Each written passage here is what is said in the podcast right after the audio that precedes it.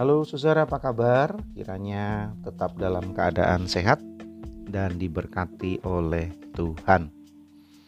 Saudara mendengar kata berani mati. Apa kesan saudara-saudara? Sesuatu yang menggetarkan gitu ya. Kesannya tentang orang yang tidak punya rasa takut. Tidak khawatir dengan apa pun. Keren gitu ya, pasti mampu menghadapi persoalan apa pun sebab tidak ada lagi yang ditakuti.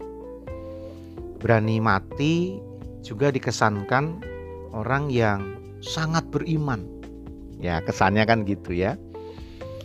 Imannya kuat ya, maka nggak takut pada kematian gitu. Jadi nggak takut apa pun gitu. Apa betul ya kesan-kesan seperti itu? Nah, di masa pandemi ini kata tidak takut mati kembali apa sering terdengar. Orang-orang yang tidak mau pakai masker, eh, menolak aturan 5M, 6M atau prokes gitu ya. Menolak vaksin ya, tetap berkerumun, nonton konser, ngelayap, jalan-jalan ke mana-mana sesukanya, yaitu dalilnya, dalihnya tidak takut mati. Dan yang sebaliknya dikatakan penakut lu, dasar penakut, ya, nggak punya iman, ya nggak seperti saya. Dan biasanya lalu ngomong gini, waktunya mati ya mati aja, gitu kan katanya ya. Nah mari kita bahas. Sebenarnya orang-orang seperti itu yang akhirnya mati udah banyak. Banyak banget yang akhirnya benar-benar mati banyak. Ya tapi kenapa tetap ada orang yang seperti itu? Yaitu sisanya aja bentar lagi juga mati gitu ya. ya sisa-sisanya aja ampas-ampasnya aja gitu ya. Ya kenapa masih eksis? Ya kembali lagi sebab orang-orang itu melakukan hal yang kontroversial. Nampil gitu istilahnya viral kan diliput jumlahnya kecil ya tapi menggaung gitu ya ya salah kita juga gitu kan memviralkan orang-orang seperti itu ya salah kita juga nah yang kedua nggak takut mati itu kan bisa jadi hanya istilah mereka untuk menunjukkan ketidakmampuan mereka menghadapi persoalan ini. Ya, kalau dikaitkan COVID misalkan, kan ya gimana ya lockdown mati. Nggak di lockdown pun mati ya jadi maju aja. Ya nggak ada pilihan gitu. Nggak ada pilihan. Bisa juga karena memang mereka orang-orang yang yang ngerasa nggak dibutuhin lagi. Orang-orang nggak penting gitu jadi ya mati ya mati emang kenapa? Ya nggak ada yang butuh gitu jadi ya wajar aja gitu maka jadi nggak takut mati orang juga mati nggak ada yang nangisin ibarat kata gitu. Atau ada ya memang ada juga kepentingan-kepentingan lain ya.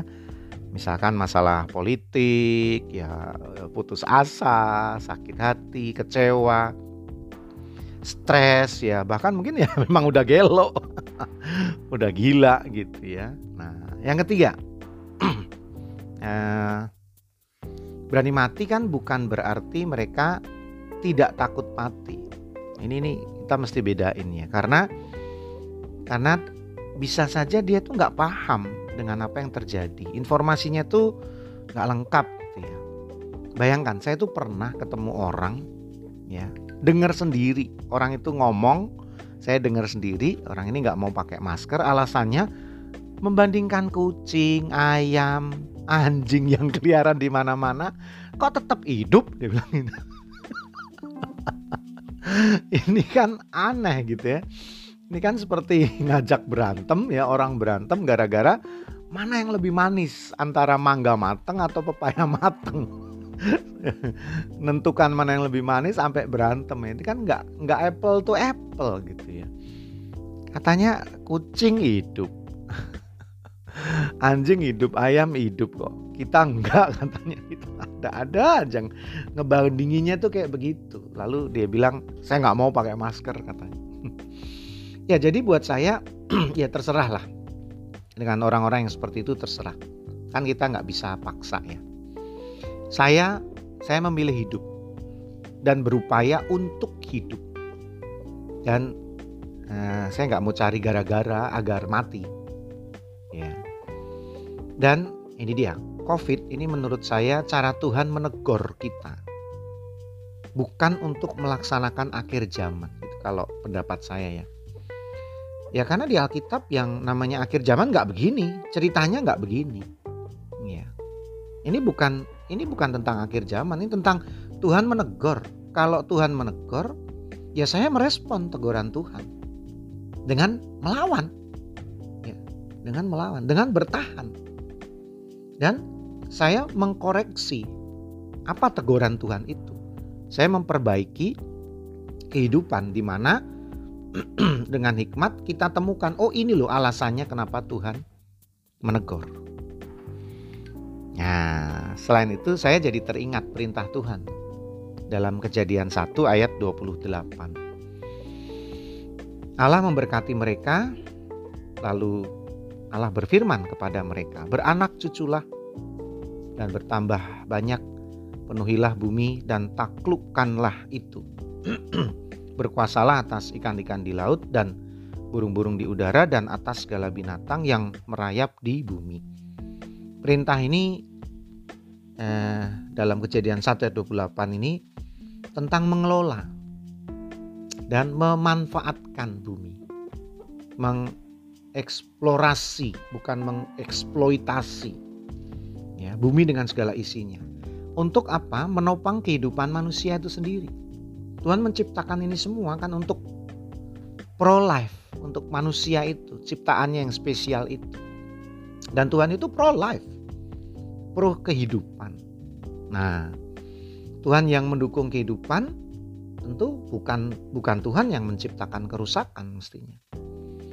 Nah, kalau semua orang kemudian apa berani mati dan betul-betul mati semua, Siapa yang meneruskan kehidupan ini? Padahal ini kan bukan akhir zaman.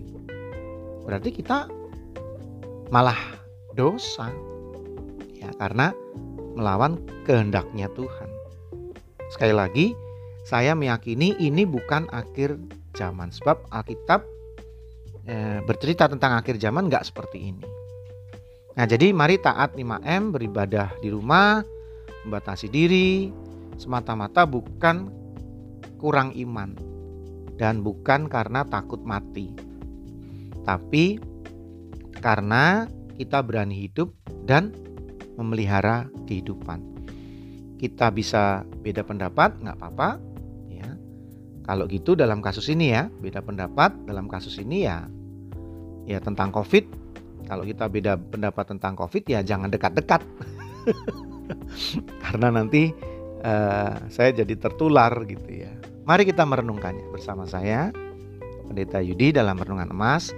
Esok masih ada solusi.